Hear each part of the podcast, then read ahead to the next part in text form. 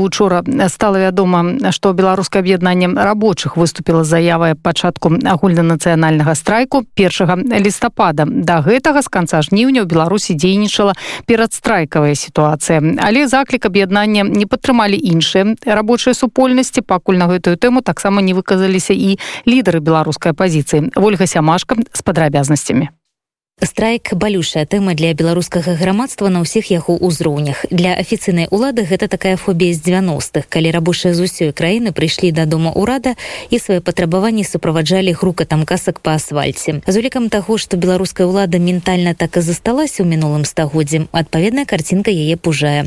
Хоць чыста з эканамічнага пункту гледжання беларускія заводы работнікі якіх змогуць забяспечыць такую крытычную масу на плошчы незалежнасці сёння знаходзяцца ў вельмі кепскім фінансавым фінансавым стане. Без бюджэтнай падтрымкі яны б спыніліся і закрыліся без усялякага страйку.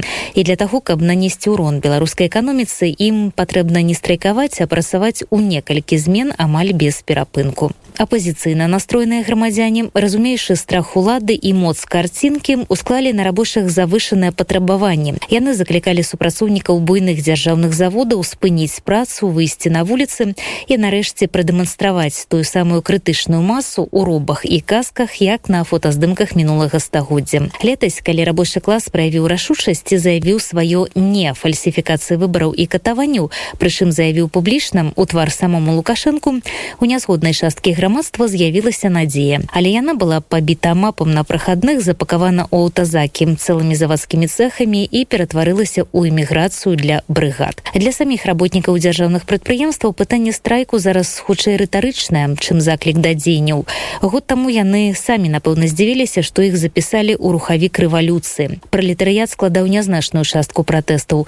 Усё ж такі на вуліцы выходзіў у асноўным сярэдні клас. За год з мінулых хваляванняў і ўлады і кіраўніцтва кіраўніцтва прадпрыемстваў расправіліся з самымі актыўнымі каго звольнілі каго пасадзілі а каго выдавілі за мяжу. І калі і засталіся нязгодныя то гэта ціха нязгодныя якія баяцца страціць сваё працоўнае месца небяспечных дыалогаў не вядуць і з начальствам не спрашаюцца такія і пад палітычнымі лозунгамі не выходзяць а ў рэгіёнах дзе дзяржаўныя заводы гэта часта адзінае месца працы для цэлай сям'і пра страйк сёння нават і думаць баяцца спроба разгайдаць рабочых прадпрымаецца ўжо не першы раз летась Святлана ціхановская абвяшчала агульнанацыянальны ультыматум цэнтральнай падзеі якога павінен быў стаць страйк з 26 кастрычніка. Гэта ідэя правалілася ў той самы дзень. Сілавікі збівалі рабочых якія сабраліся ля прахадных заводаў. Заганялі іх прымусам у цэхі а асабліва непакорных затрымлівалі. І вось роўна праз год беларуска аб'яднанне рабочых якую узначальвае былы супрацоўнік мінскага трактарнага завода Сергей дэлеўскі зноў аб'яўляе пра агульнанацыянальны нацыянальны страйк. А перад гэтым быў аб'яўлены перадзабастовачны стан. Мы таму і аб'явілі перадзабастовачны стан тому что увогуле созрела як сітуацыя так і созрелі людзі актывісты якія знаходзяцца на працоўных местах на прадпрыемствах беларусі. Калі мы распрацавалі кожнага з гэтых людзей калі можна гэтак выразіцца. Кожную асобу якая дала адказ что на маём прадпрыемстве я могу узначаліць страйк там на 3000 чалавек на 5000 чалавек. Вось тады мы і аб'явілі прадстрайкавыя состояние галоўнымі патрабаваннямі беларускага аб'яднання рабочых з'яўляюцца спынення палітычных рэпрэсій павышэння заробкаў пачатак перамоў абмернай перадачы ўлады дэмакратычным сілам з удзелам рабочых лідараў захаванне канстытуцыйных правоў грамадзян забеспячэнне доступу да вакцынацыі ад covid-19 і спынення гібриднай вайны захадам. Паколькі ніводнае з гэтых патрабаванняў выканана не было у панядзелак з'явілася наступнае відэа. Добрый дзень свабодны народ беларусі 30 августа мы Белорусское объединение рабочих и работники белорусских предприятий объявили о начале предзабастовочного состояния на территории Республики Беларусь. Мы выдвинули наши требования к так называемым властям. Наши требования поддержали сотни тысяч белорусов, десятки именитых людей и организаций. Более того, мы видим, что выполнять эти требования власти не собираются. Так дальше продолжаться не может. Пора рабочим взять будущее в свои руки. Мы не имеем права тянуть дальше, пока наши родственники, друзья и соратники сидят в тюрьмах. Пока наши матери и сестры, братья и отцы погибают в переполненных больницах от коронавируса. Мы не можем просто так смотреть, как полоумный гражданин разваливает наши предприятия и экономику страны в целом. Мы готовы изменить нашу страну. Мы готовы сказать «хватит над нами издеваться». Мы, Белорусское объединение рабочих, объявляем о начале общенациональной забастовки с 1 ноября 2021 года. Мы остановим производство по всей стране, пока каждое из 10 требований не будет выполнено. Прекратим кормить режим, прекратим ходить на работу, останемся дома. Так мы отстоим нашу страну и вернем в нее закон и справедливость. Живе Беларусь! Бастуй Беларусь. Іншая ініцыятыва рабочы рух заявіла што не падтрымлівае абвяшчэнне агульнанацыянальнага страйку першага лістапада. Так заявы размешчаны ў адпаведным тэлеграм-канале. Арганізацыя азначае што пераможны страйк павінен быць сапраўды масавым ахопліваць розныя галіны і ўсе катэгорыі рабочых. Папярэднічаць яму павінны сур'ёзныя эканамічныя перадумовы а непадрыхтаваныя галаслоўныя заявы вядуць выключна да падрыву даверу і чарговых рэпрэсій якія вымываюць актывістаў на месцах. У рабочым руху азначылі што гэтая заява не была з імі узгоднена і яны не ўдзельнічалі ў прыняцці рашэнняў. Кіраўнік руху юры рававы яшчэ некалькі тыдняў таму у нашым эфіры скептычна выказаўся наконт даты агульнанацыянальнага страйку.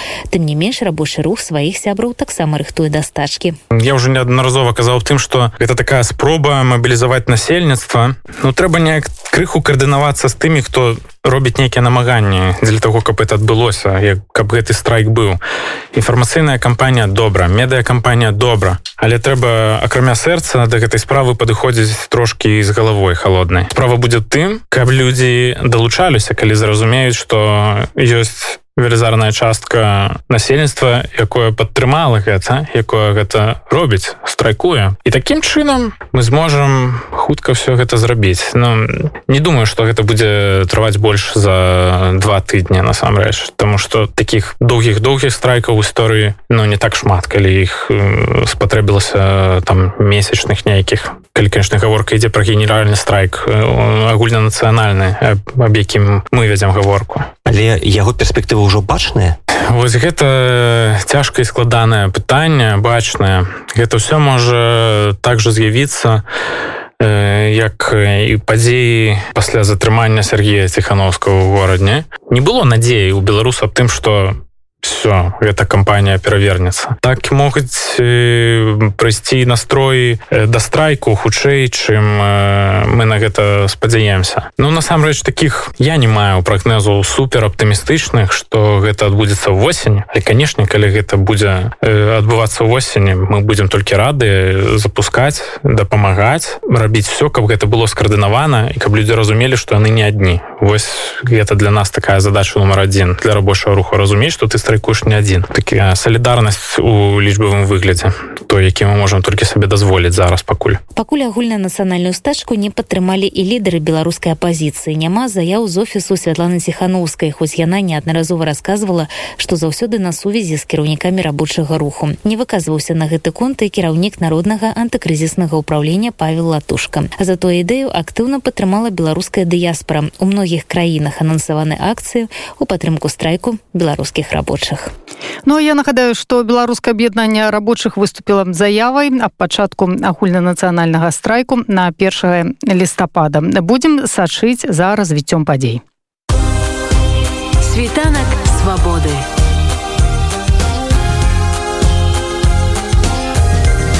Спіць вольнасці